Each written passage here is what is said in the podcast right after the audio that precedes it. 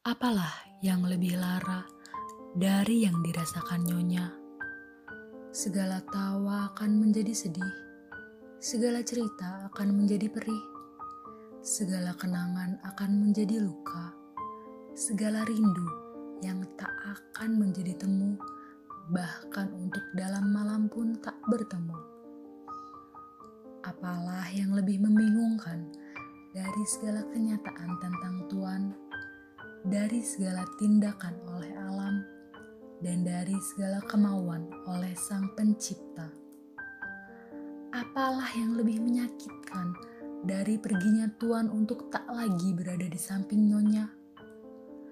Tak ada lagi teman untuk bersama melanjutkan hidup. Tak ada lagi teman untuk mendampingi menjalani segala suka yang apalagi duka. Dan yang paling menyayat adalah tak ada lagi teman untuk mendampingi bertumbuhnya buah hati menjadi dewasa. Entah apa yang ingin disampaikan Tuhan tentang segala kepergian dengan segala kebisuan tanpa kata, dengan segala kepergian yang tak terduga.